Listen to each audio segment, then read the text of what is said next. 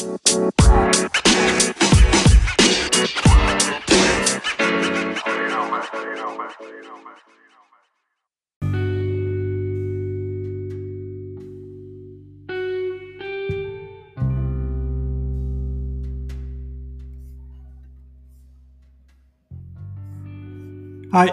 je luistert naar de eerste thema-introductie voor het vak Interactions Beyond Screens.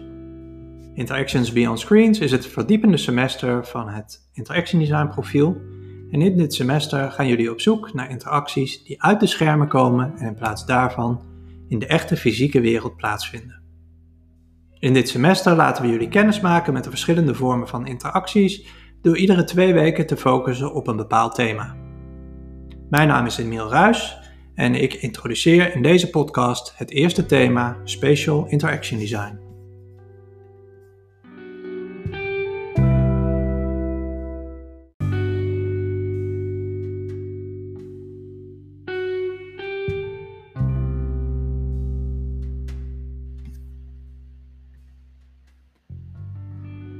Als Spatial Interaction Designer begrijp je die wisselwerking tussen mens en ruimte je kent de ruimtelijke disciplines, interieurarchitectuur, architectuur, stedelijke ruimte en landschapsarchitectuur.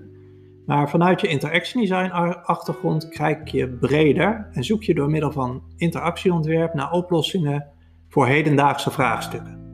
En daardoor ben je eigenlijk een vernieuwende ontwerper die niet alleen ruimte zijn boost geeft, maar ook de mensen die ze gebruiken. Dus een spatial interaction designer die kijkt breed naar alle vraagstukken of problemen die zich in en rond een ruimte afspelen. Bijvoorbeeld ook op sociaal, maatschappelijk of historisch vlak. En je weet deze brede blik steeds weer te vangen in een unieke en verrassende visie. En die visie weet je om te zetten in een concreet plan. Je bent thuis in verschillende architectonische vakgebieden zoals interieurarchitectuur, architectuur, stedelijke ruimte, landschapsarchitectuur. En je durft deze ook met elkaar te mengen. En dit heeft als doel om ingrepen in ruimte zichtbaar te maken in plannen of producten die echt iets veranderen voor mensen.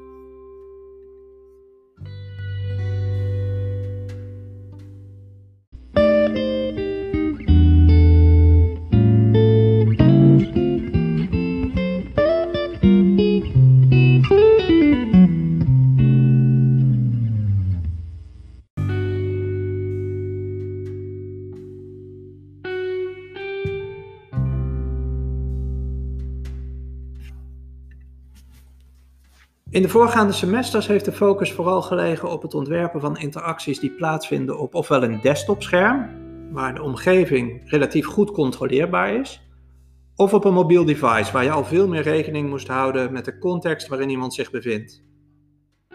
Tijdens de semesterintroductie heeft Lambert jullie uitgelegd dat we tijdens dit semester eigenlijk weg willen blijven van die schermen en willen gaan ontdekken wat de mogelijkheden en de moeilijkheden zijn wanneer de hele wereld en alle objecten die we om ons heen hebben interactief worden. We zien de laatste jaren een enorme groei van digitale netwerken. En die netwerken ondersteunen ons niet alleen, maar die kunnen ons ook heel erg afleiden. Bij Interactions for Mobile hebben jullie al gemerkt dat, dat de digitale en de fysieke wereld steeds meer met elkaar vervlochten raken en dat we overal toegang hebben tot de digitale wereld via ons mobiele device.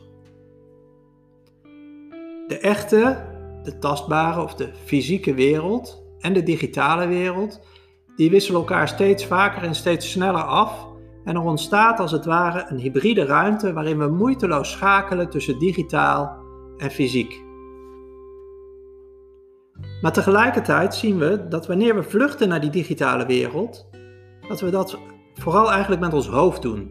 Onze aandacht is op ons scherm en ons hoofd zit als het ware in de cloud, maar ons lichaam zit in die fysieke wereld. Het hoofd en het lichaam leven op dat moment in gescheiden werelden.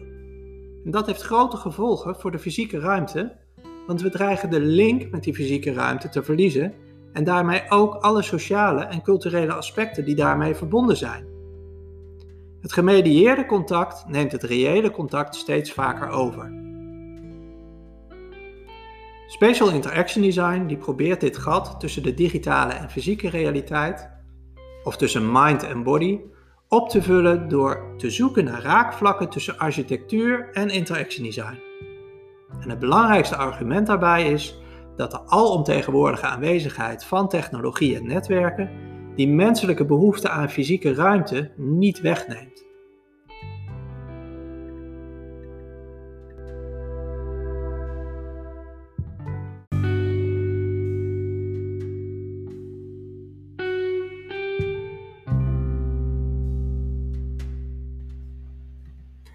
Er ontstaat daar eigenlijk mee een nieuw uh, vakgebied binnen Interaction Design. We noemen het ook al HBI, Human Building Interaction.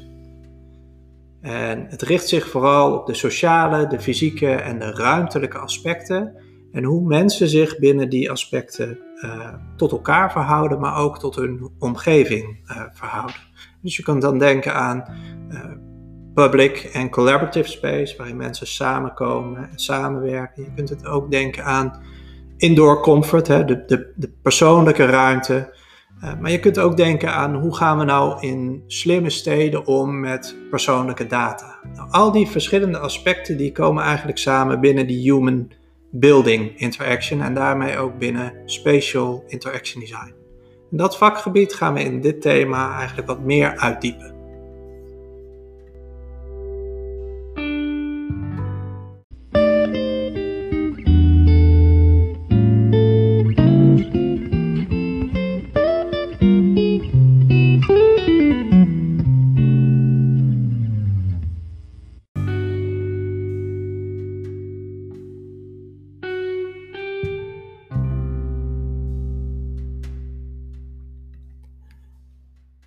Wanneer we ons bezig gaan houden met spatial interaction design, is het interessant om eerst eens te kijken wat de betekenis van ruimte nou eigenlijk is. Historisch gezien is reizen gescheiden van de activiteiten waartoe ze leiden. Wat betekent dat mensen van plaats naar plaats gaan met het doel om ergens te komen. Die doorkruiste ruimte die wordt vaak genegeerd.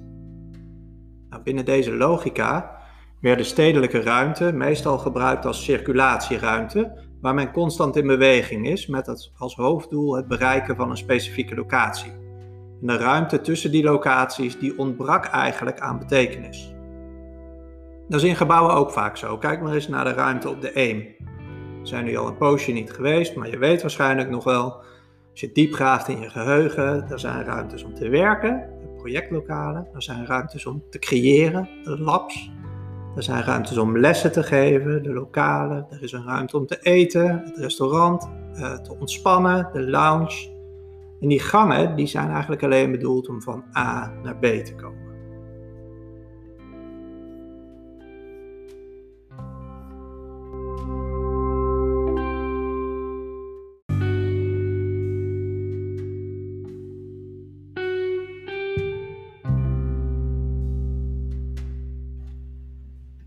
Dat gebrek aan relatie met een ruimte zat de situationist Guy Debord in 1958 ook een beetje dwars. En daarom ontwikkelde hij een zogenaamde derivé. En een derivé is een techniek om te dwalen door stedelijke ruimtes. Het is een soort van ongeplande reis door een landschap, en die is meestal stedelijk, waarin deelnemers hun dagelijkse bezigheden laten vallen en zichzelf laten meeslepen en worden aangetrokken door de attracties die in het terrein aanwezig zijn en de ontmoetingen die ze daarin vinden. Nou, dat is natuurlijk best wel een gekunstelde manier om je bewust te worden van ruimte. Op het moment dat je besluit je in een derivé onder te dompelen, ben je je immers al bewust van het gebrek aan feeling met een ruimte. Het idee daarachter, het idee achter de derivé, is voor ons als interaction designers natuurlijk wel interessant. Want wat nou als we de gebruiker op een onverwachte manier uit hun dagelijkse gang kunnen trekken door onverwachte interactieve objecten te plaatsen in het landschap en ze daardoor eigenlijk veel meer naar het landschap toe te trekken?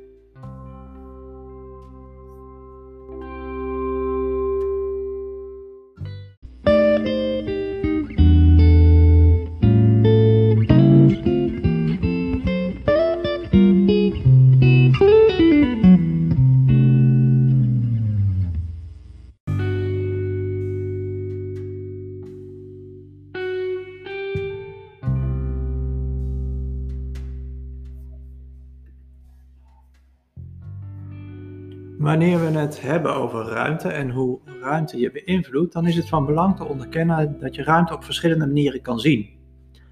De Franse filosoof Henri Lefebvre, die heel veel onderzoek heeft gedaan naar hoe ruimte gebruikt wordt, was een van de eerste die onderkende dat een ruimte voortkomt uit de sociale constructie van gebruikers. Hij onderscheidt drie soorten ruimtes. Ten eerste de conceived space. Die kan worden opgevat als de geconceptualiseerde ruimte de ruimte zonder leven.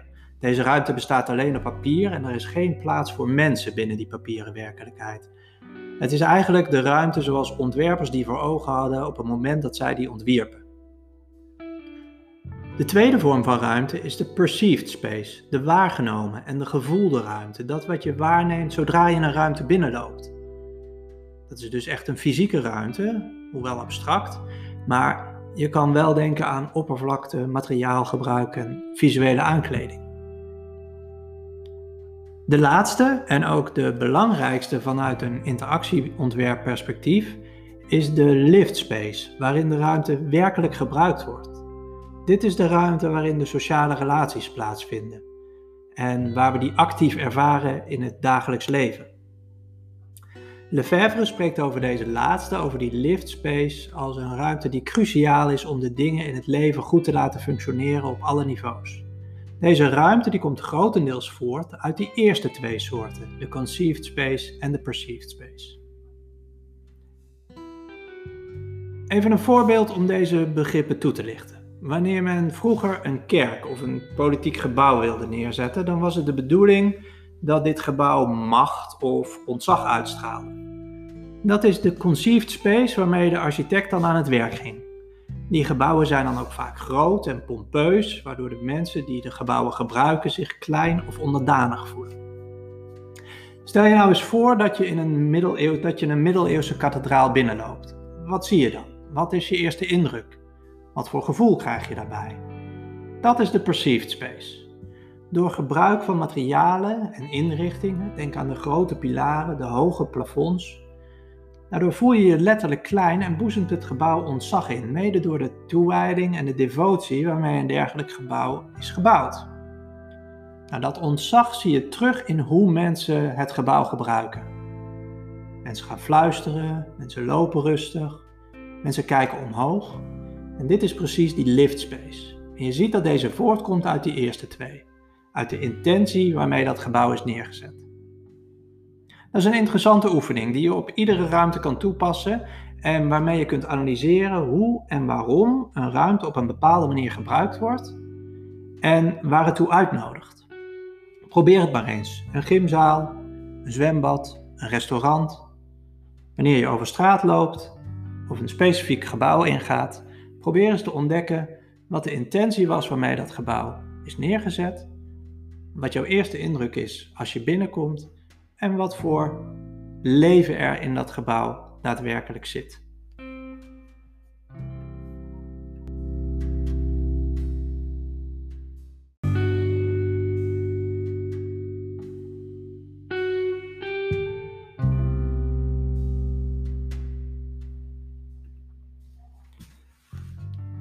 Een iets meer gebezigde benadering vanuit interaction design is de benadering van ruimte vanuit de termen space en place. Waarbij met space een abstracte benadering van ruimte wordt bedoeld. Een ruimte zonder substantiële betekenis. Dat is eigenlijk de ruimte die nog ontworpen moet worden. En vandaar ook de term spatial design. Place daarentegen is de ruimte waar mensen zich bewust zijn van de omgeving of van hoe ze door de omgeving worden aangetrokken. Het kan worden gezien als space die betekenis heeft gekregen. En daarin ligt ook het doel van de uitdaging van spatial design. Je ontwerpt de transitie van space naar place. Wanneer space over beweging gaat, dan wordt het een place door rust. Wanneer space vervreemdend is, dan wordt het place door identificatie. De volgende termen zijn van belang bij het ontwerpen van ruimte en ik vind het ook belangrijk dat jullie op basis van deze termen ruimtes leren lezen en ze dus ook gaan gebruiken in jullie ontwerp. En misschien zie je bij het gebruik van deze termen ook wel overeenkomsten tussen de begrippen die je eerder van de Lefebvre hoorde. Als eerste het begrip setting. Dat wordt gezien als a priori space, niet gevulde ruimte, objectief waarneembaar voor iedereen. Eigenlijk het lege vel. En Lefebvre noemt dit conceived space. Het tweede begrip is context. Dat begrip is al vaker voorgekomen, maar voor de zekerheid nog even de duiding van het begrip. Context is niet de setting zelf, maar de betrokkenheid daarbij. Net als de interpretatie die de setting geeft aan de interacties die erin plaatsvinden. Lefebvre noemt dit de perceived space. Aangezien iedereen zijn of haar eigen bagage meeneemt, is deze ruimte eigenlijk best wel subjectief.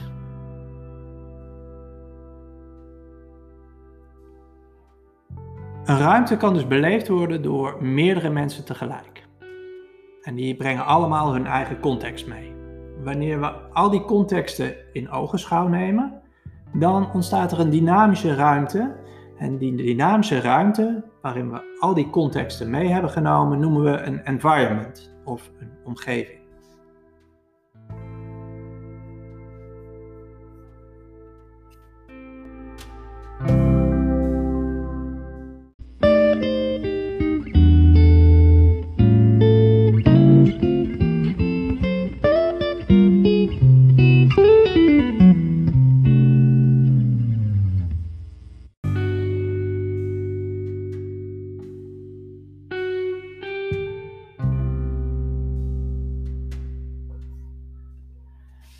Een laatste term die ik in dit thema wil behandelen en die onlosmakelijk verbonden is met spatial ontwerp, is de term affordances. Het is een term die binnen ons vakgebied vaak benoemd wordt in combinatie met de naam Donald Norman. Maar oorspronkelijk komt de term van de bioloog Gibson. Gibson legde een basis voor het begrijpen van interacties tussen mens en milieu. En zijn concept van affordances interpreteert de wereld als een aanbod van waarneembare structuren van mogelijke acties, die worden begrepen door betrokken en niet noodzakelijkerwijs opzettelijke actie. Even een voorbeeld. Stel je eens voor dat je door een bos loopt en daar een omgevallen boom ziet. De boom ligt mooi vrij en heeft geen uitstekende takken. Wanneer je nou al een poos aan het wandelen bent, zou het zomaar kunnen dat dit een ideale plek is om even te gaan zitten en te rusten. Dat is op dat moment de affordance van de omgevallen boom. Hij nodigt als het ware uit om op te gaan zitten. Wanneer de boom nog stond, en stel je voor dat hij wel hele mooie zijtakken had, dan was het wellicht een ideale klimboom geweest. En dan was de affordance daarmee heel anders geweest. Nou, volgens Gibson zit het hele landschap op deze manier vol met potentiële affordances. Het zijn impliciete affordances die in de omgeving gevormd worden door het landschap. Daarnaast heb je ook shaped affordances. Dat zijn objecten die door mensen met een specifiek doel in het landschap zijn geplaatst. En de meeste affordances die door mensen worden gebruikt, worden ook door mensen gevormd om acties in de omgeving uit te lokken die nodig zijn om maatschappelijke doelen te ondersteunen. Eerder noemde ik het voorbeeld van een boom. Een vergelijkbare shaped affordance zou zijn een bank in het park.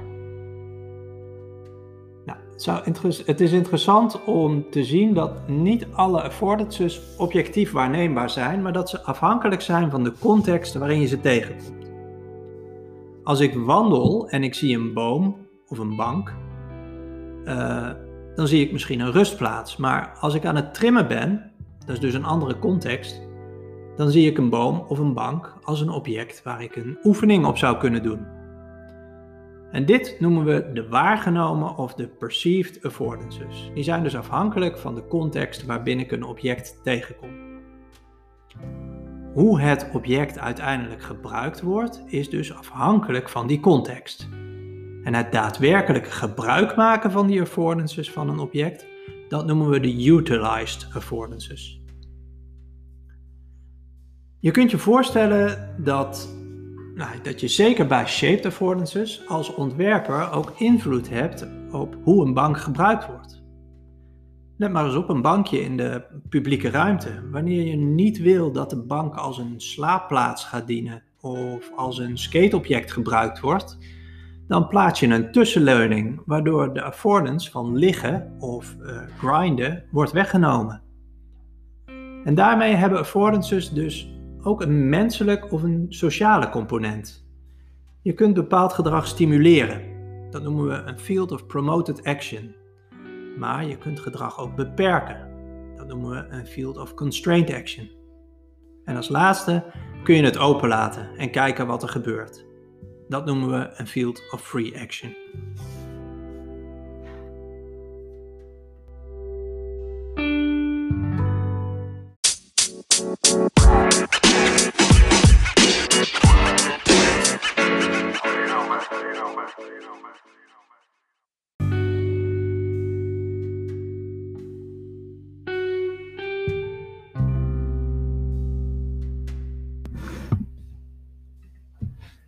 Hoop dat je door deze podcast een beeld hebt gekregen van het thema waar je komende weken mee aan de slag gaat.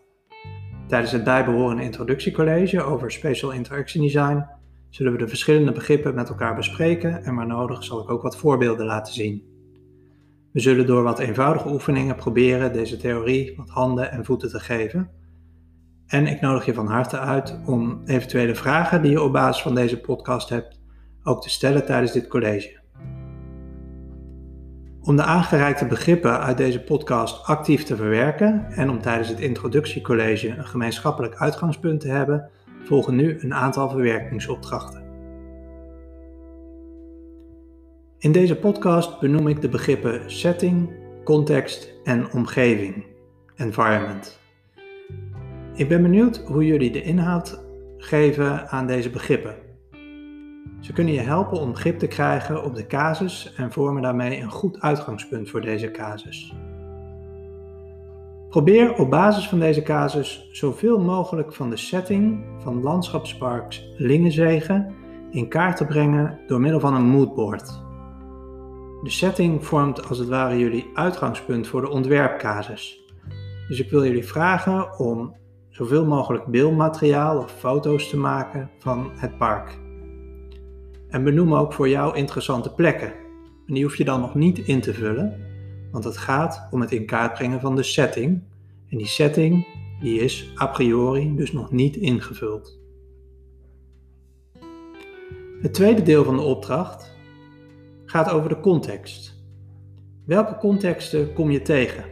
Hoe gebruikt men het park? Is dat actief of passief?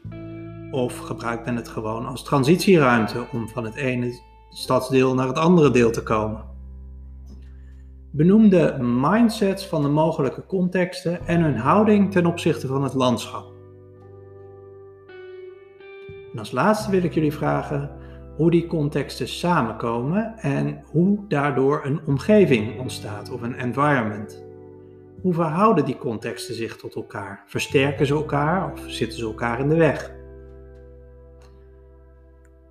Probeer bij het uitvoeren van deze opdracht ook te benoemen wat je moeilijk vindt bij het in kaart brengen van die setting, die context en die omgeving en hoe je hiermee bent omgegaan. Het gaat er niet per se om dat je tot een definitieve uitwerking komt. Het gaat meer om te kijken of je de begrippen wat meer handen en voeten kan geven. En deze kunnen we dan ook tijdens het introductiecollege nader bespreken. Ik wens je hier heel veel succes mee.